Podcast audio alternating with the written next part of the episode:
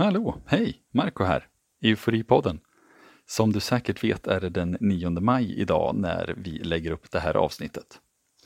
Och vad passar inte bättre än att då prata lite grann om en solidaritetsmekanism som vi har i EU. Och du, eh, när det här avsnittet är klart, då tycker jag att du går in på vårt Instagram och gör det quiz som vi har lagt upp där. Men nog pratat, nu kör vi igång och det gör vi med ingen mindre än DJ Trex. Tack för att vi får spela din musik en sån här speciell dag. Dance European,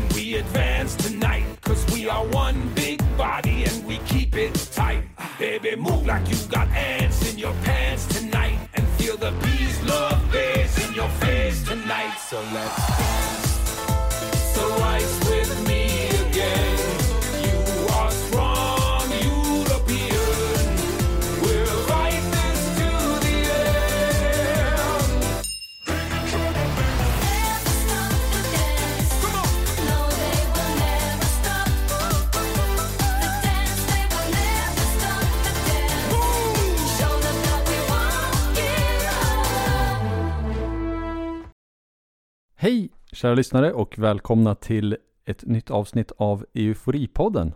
Här sitter jag med Helena, Caroline och Björn. Hej hej. Hej Marco Hej Marco Hej! Idag är det inte någon av er som har något ämne. Idag ska jag prata om någonting. Mm. Woo! Äntligen får jag mikrofonen. Kul för dig. Ja. Kommer ni ihåg att, eh, det är klart ni gör, de senaste åren så har ju eh, två större bränder drabbat Sverige. Det kommer vi ihåg. 2014 och 2018. Och så här rapporterade Stephanie Zackrisson i Nyhetsmorgon i TV4 från 2014. Det är ju under gårdagskvällen så briefades de här, eh, den här besättningen på de här tre franska planen som landade sent igår kväll. Eh, och tanken är ju att försöka få upp dem i luften så fort som möjligt. Någon gång under förmiddagen så är tanken att de ska finnas uppe. Två kommer ju användas för att vattenbomba och ett plan handlar mer om att det ska kunna flyga runt för att rekognosera och få en överblick av området. Hmm, franska plan, är det dit du kommer komma Marco kanske? Ja, precis. Vi hade alltså en brand i Västmanland 2014. Eh, och det var ju en skogsmaskin som var orsaken. Och den här branden började ganska sent under sommaren och höll på sedan i två veckor. Och först så hade man ju lokala styrkor på plats för att bekämpa den här branden. Men eh, sen anslöt flera delar av Sverige för att hjälpa till eftersom den här branden växte på grund av vindar och allt. Men den 3 augusti, då begärdes stöd från det som är EUs civilskyddsmekanism. Mhm. Så du menar att det var EU som fixade dit de där franska planen? Precis! Och inte bara franska plan, det kom även eh, två plan från eh, Italien som hjälpte till under ett, eh, ett antal dagar med att skölja över vatten över bränderna. Var det inte en massa polacker också? Eller kom, var det någon kommer nog annan senare brand? Björn tror jag. Okej. Det är riktigt hårt. Jag går händelserna i förväg här. Ja, och nu är inte det här en brandbilspodd, men när jag gjorde den här... Det, är det är mycket den här podden inte är. ja, Men det kan ni också söka efter. Marco har en sån också på Ja. om ni söker. ja, men det är ju alltid kul med siffror. Så när jag gjorde research inför det här avsnittet så, så eh, stod det att de här flygplanen under bara en, ett dygn bombar de elden 478 gånger med sammanlagt 3000 ton vatten. Det där är lite för mycket för att jag ska fatta hur mycket vatten det är. Men det låter väldigt mycket. Ja, men det, man kan säga att ungefär det är 10, eller förlåt, det är 1000 brandbilar i vattenmängd. Jag tyckte bara det var jätteintressant, så jag var tvungen att säga det. Wow. Jag älskar måttet brandbilar, mängd.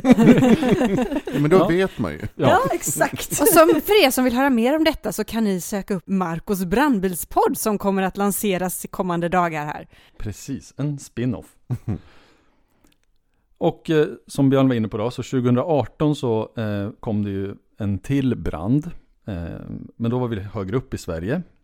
Först började det egentligen med massa småbränder och eh, MSB, Myndigheten för samhällsskydd och beredskap, varnade ju för hög brandrisk.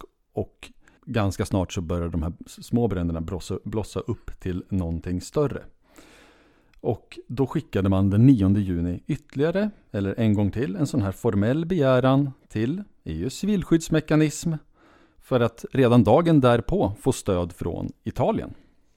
Och så här, ja, Då var det alltså MSB som Myndigheten för samhällsskydd och, bereds, samhällsskydd och beredskap som skickade en sån fråga. precis. Och då rapporterade Expressen TV så här.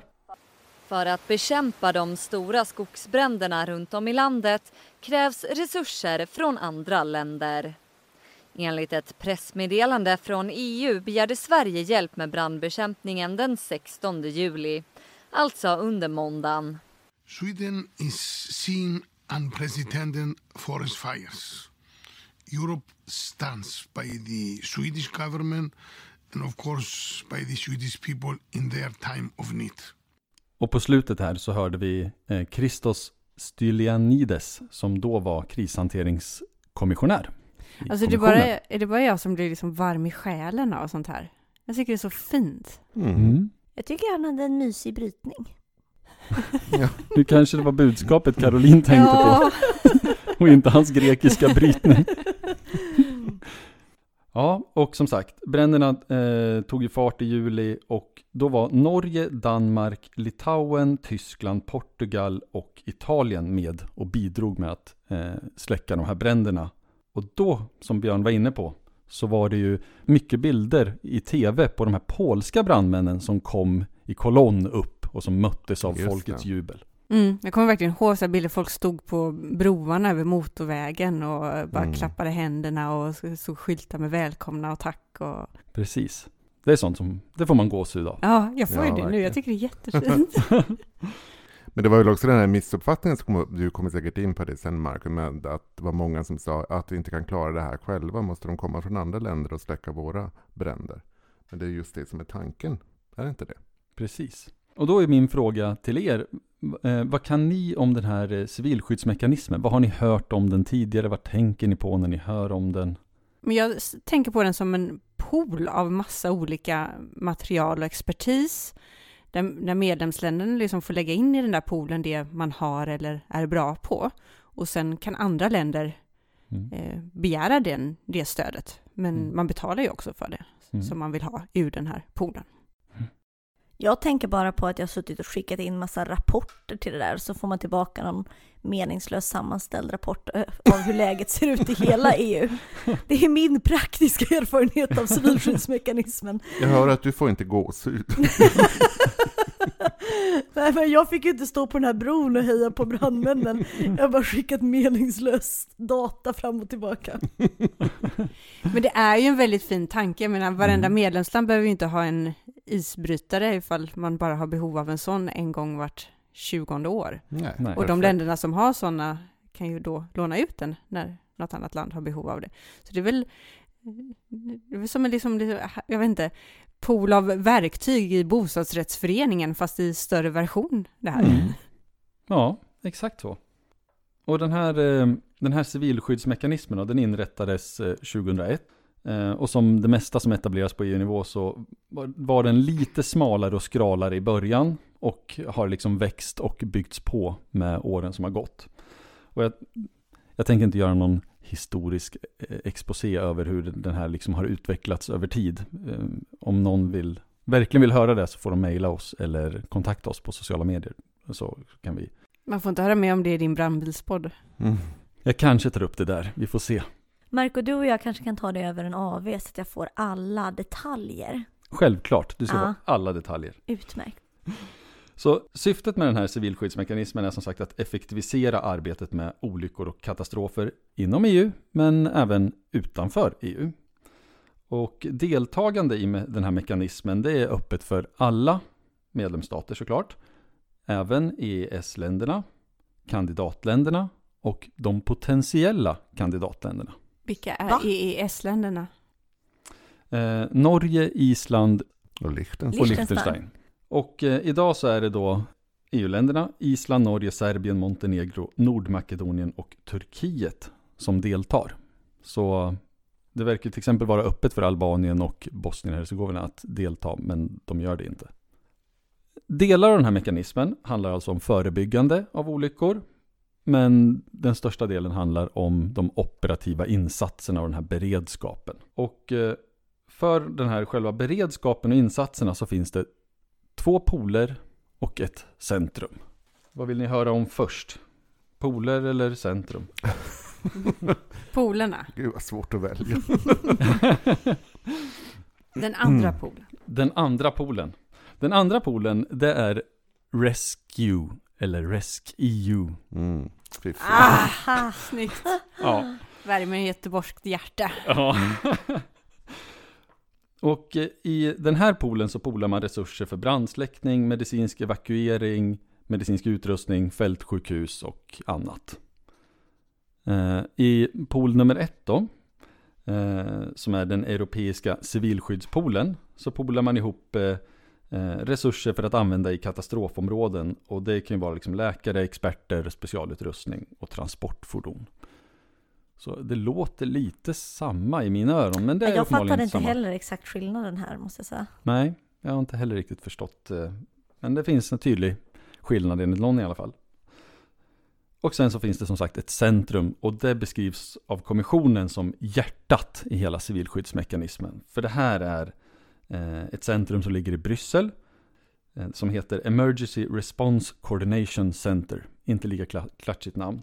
Eller på svenska Centrum för samordning och katastrofberedskap. Och de har ju 24-7 verksamhet. Något annat vore konstigt. Mm. Mm, och det handlar helt enkelt i det centrumet om att samordna begäran och eh, frågor från medlemsstaterna så att man kan liksom matcha frågan och en begäran och eh, vilka som ska bidra. Så det är dit det hamnar när MSB då hör av sig, vi behöver hjälp med att släcka bränder. Då hör de av sig till det här centret som då kollar, hmm, vi har eh, ett vattenplan i Italien och vi har brandbilar i Polen som vi kan skicka. Precis. Och så samordnar de så att det skickas till Sverige. Mm. Men det verkar ju gå ganska fort då ändå. När du berättade om hur det gick till vid bränderna här i Sverige. Så var ju Ja, de på plats liksom dagen efter. Jag blev väldigt förvånad över att det gick så snabbt från en formell begäran. Men man kan ju tänka sig att det kanske har föregåtts av lite informella kontakter och, och bilaterala kontakter innan mellan Sverige och Italien. Så när frågan kom så var liksom italien, italienarna redan redo. Men det är bara jag som spekulerar här. Och, och Men samtidigt som det är katastrofsituationer så måste man ju också ha förmågan att agera snabbt. Mm, Ja, absolut. det är ju sant. För de har ju antagligen samma framkörningstid om det är någonting som händer i Italien. Så då är det ju bara att de ska Mm. ta sig lite längre. Men Ja. med Mm. flyg går det ju fort. Och eh, om man tittar då på vad har den här mekanismen använts till så är det bland annat eh, ebolautbrottet i Afrika. Men jordbävning i Albanien. Så våra bränder, andra bränder såklart runt om i Europa. Explosionen i Libanon. Men eh, också coronapandemin. Naturligtvis. Naturligtvis. Som till exempel, där de till exempel då samordnade just sådana här evakueringsflyg för att flyga hem EU-medborgare runt om i världen. Men också medicinsk utrustning mellan EU, EUs medlemsstater. Där kan det ju inte ha gått li- riktigt lika bra då. Nej, och det här är ju liksom, eh, du bad ju mig Helena kolla på någonting som var liksom, vad kan vara negativt, eller någonting värt att diskutera, någon kritik mot den här mekanismen. Och då är det ju, då hittar man ju den naturligt i, i diskussionerna kring coronapandemin. Mm. För i övrigt så är det en ganska svår mekanism att kritisera. Man vill varandra gott och försöker hjälpa varandra ut efter bästa förmåga. Men eh, till exempel så var ju i, i pandemin ställde ju Italien en fråga om medicinsk utrustning, skyddsutrustning. Och den besvarades ju aldrig så att kommissionen fick ju kliva in. Oj, vad stelt. Mm. Då var det inget land som ville ge skyddsutrustning. Men det där, om man ändå ska försvara mekanismen Mm. i, i agerat med coronan så är ju problemet med coronan att det drabbade alla länder. Sen Mm. drabbade det Italien lite innan, men det var ju Mm. det är som att om det skulle brinna i varenda medlemsland samtidigt, då skulle inte de polska brandbilarna komma till Sverige heller, utan Nej. mekanismen funkar ju på något sätt därför att sannolikheten att det inträffar en jordbävning överallt samtidigt är väldigt liten. Mm. Men pandemin träffar ju alla samtidigt och då blir det mycket svårare för medlemsstater att låna ut material. Så det går ju att förstå varför det blev så kanske. Mm. Fast det drabbade ju inte alla medlemsstater likadant samtidigt. Men alla visste att hotet stod inför dörren och Ja. man började liksom rusta själv och insåg att vi har inte heller tillräckligt med skyddsmaterial. Eh, och är en därför klarar inte vi av att skicka till Mm. Italien. Ja. nu. Mm. Mm. Nej men det är just det här att eh, om man hittar något problem med den här mekanismen så, så är det ju oftast så här att antingen så är det för att alla har problem samtidigt eller att det finns något politiskt. Men just något praktiskt problem med mekanismen har jag liksom inte riktigt kunnat hitta. Men, ju, Men däremot så var det intressant att se att en studie som hade gjorts eh, visade på att i krissituationer så tenderar medlemsstater att först och främst välja de bilaterala spåren. Och det kunde man till exempel se att Italien valde att kontakta, om jag förstod det rätt, både Ryssland och Kina i sin frågan på hjälp och andra länder bilateralt. Utöver att man också kanske använder det här spåret lite senare. Och i andra hand så har uppenbarligen NATO en krisberedskapsmekanism som man hellre använder än EUs. Också för civila katastrofer? Precis. Aha, det visste inte jag. Oj, ja, det var inte så bra betyg till EU så i sådana fall. Nej, som kommer först på tredje plats då, EUs civilskyddsmekanism. Men jag uppfattade att Ryssland och Kina sträckte ut handen mycket snabbare till de här länderna. För de ser ju också det här som en chans att vara med och påverka och få in en fot. Mm. Eh, och att EU inte var tillräckligt snabba då. Så det är därför som det blev mera bilateralt då, som du var inne på. Men är inte det lite mediebilden också? För jag har hört mycket EU-kritik mot det. Att, eh, att Kina blåste upp sina bidrag mycket mer och gjorde en mycket större grej av det. Men sen skickade de ju mest en massa skit som ändå inte Mm. gick att använda. Nej. Så först var det så här, hej, här kommer vi, vi kommer direkt, här får ni två miljoner skyddsmasker. Och sen en vecka senare så bara, men vad fan, här går inte att inte. använda. Eh, då är de här 200 000 vi fick eh, via EU mycket bättre, för de går att använda. Mm. Det är riktiga grejer. Mm. Jag tänker också att när, när det gäller preferensen att använda NATO så kan det vara så att den kanske har funnits längre. Den har funnits från 98 och kanske mer etablerad. Och har man då mer etablerade kanaler så kanske man tenderar till att bara falla tillbaka på dem. Ja, så kan det ju mycket väl vara, vad man är van vid att göra. Så att det, liksom, det är ingen kritik mot EU, det är bara att den har inte funnits lika länge. Man har inte lika mycket upparbetad praxis och goda relationer. Sen kanske det handlar också om var de nationella myndigheterna, vart de finns någonstans. Är de, tillhör de mer av det försvaret och, och naturligt där, så då kanske de också väljer att använda NATO mer än EU. Jag Mm. vet inte. Vet du vad Sverige har lagt in i den här poolen? Eh, ja, några helikoptrar vet jag att man eh, ska bidra med. Men eh, sen tror jag att vi bidrar med respiratorer och sånt. Men eh, i övrigt så eh, vågar jag inte svara på faktiskt exakt vad Sverige bidrar med. Men har inte precis eh, man fått ett beslut om att Sverige ska stå värd för ett nytt stort lager som man ska ha Mm. inom ramen för den här mekanismen, där man ska ha gemensam skyddsutrustning. Var det Exakt. Kristinehamn de skulle ha alla grejerna? Exakt, och det är den här RESC EU som eh, Ah. kom till för några år sedan och som sen har förstärkts i och med coronapandemin. Precis, så det blir bra. Och då har vi mycket plats i Sverige, där vi kan, så vi kan ha lagret, Ja, fylla det det är bra med att lagret är här. Ifall... Ja. både RESC EU och Amazon kommer hit med sina lager. Har Mm. Sverige bidragit någonstans? Har du åkt iväg på någonting då? Eller, eller har du sagt det redan? Det kanske det. Våra helikoptrar eller respiratorer har åkt iväg. Jag har inte hittat någon information om det faktiskt. Jag har bara hittat information om det stödet vi har fått och sen så att vi bidrar och sådär. Mm. Men med fått så är det ju också då att vi köper in det stödet. Precis, vi, vi slipper köpa utrustningen. Det är väl fördelen med den här mekanismen. I övrigt så betalar vi ju lön och bränsle och transportkostnader och allt sånt. Och det känns ju rätt rimligt ändå, Ja. får man säga. Men då betalar vi ju polska löner ifall det är polska brandmän, inte svenska brandmäns löner. Ja, om det inte finns någon. EU-standard för varje, vad varje brandman ska få så är det ju säkert polska löner. Och sen vet jag att det finns lite skillnader beroende på vilken pool resursen kommer ifrån så finns det möjlighet att få stöd från EU-kommissionen med upp till 75% av kostnaderna och sånt. Jag har inte grottat ner i, Mm. i alla de här De bidragsmöjligheterna. finansiella regelverken, de brukar vara oerhört lättlästa. Men det, det går säkert att leta fram eh, fakturan från eh, Polen som, som kom efter Mm. brandbilarna. Åh, någon kan begära ut den. Ja, säkert. Eller garanterat. Men eh, ja, så om, det något, om något skulle kanske behöva förändras på det här området, tror vi då på, och det pratar man om inom asyl, tvingande solidaritet inom civilskyddsmekanismen? Skulle det kunna vara ett, en, ett framtida alternativ? Men vad skulle vara tvingande då? Tvingande att lägga in saker i poolen eller tvingande att svara ja när en annan medlemsstat frågar? Ja. Mm. Alltså ja, det det. är, väl, det är väl en bra sak att alla medlemsstater ska ha någonting som de bidrar med till poolen. Det, det känns ju rimligt. Men man kan ju aldrig få tvingande att man ska dela med sig av dem. Nej. Alltså för i sådana fall så kommer man bara säga nej men då har vi helt plötsligt inga flygplan. Eh, ifall vi ändå inte får använda dem som vi vill.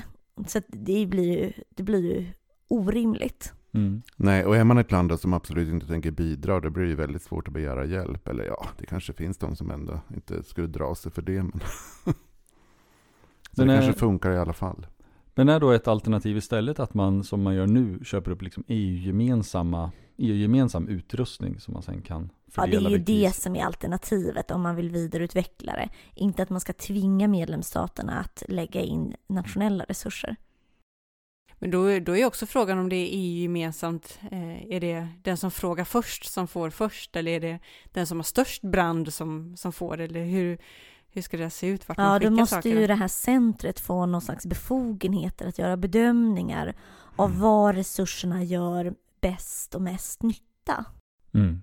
Man skickar de plan, den där planen då till Sverige för att släcka bränder och sen uppstår det en större brand i Grekland. Då Då får de skickar man dit planen istället. Då vi Ja, det de- blir väldigt kontroversiellt såklart, men Mm. Men det där är ju också ganska, man, man man kan ju inte ha kanske beredskap för alla situationer och man kan nog inte ha ett sånt system som funkar fläckfri eller liksom hur bra som helst ifall det brinner i alla länder samtidigt, utan det är ju fortfarande nej, men det, för att det, det sker en katastrof på ett ställe kanske.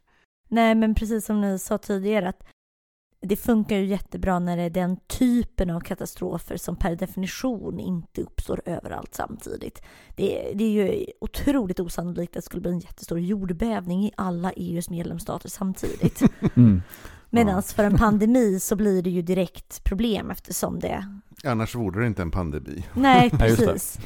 Och då är det ju snarare rimligare att gå på det här spåret med Mm. en EU-gemensam utrustning som kan komplettera de nationella. Mm. Ja. Just det. Mm. Jaha, hur känner ni? Kan ni lite mer om civilskyddsmekanismen? Ja, men det var intressant. Jag Ja. hade inte hört så mycket om det där, så att det var bra. Men jag tänker Nej, att det men- är svårt för dem att agera nu då på grund av pandemin. För nu kan väl inte komma då belgiska brandmän till Sverige till exempel, för då får de sitta i karantän när de åker hem. Eller? Just det. Men jag tror inte det finns undantag för sånt då. Jag hoppas jag. Det vet man aldrig. Men framförallt som, det är ju ingen som har tackat EU för att vi fick alla de här polska brandmännen under, under branden. Nej, Nej. Så att EU är ju väldigt anonymt i, i hela upplägget. I Mm. liksom EU-loggan på det hela. Men Det det, kanske är där, det kanske är därför som det funkar.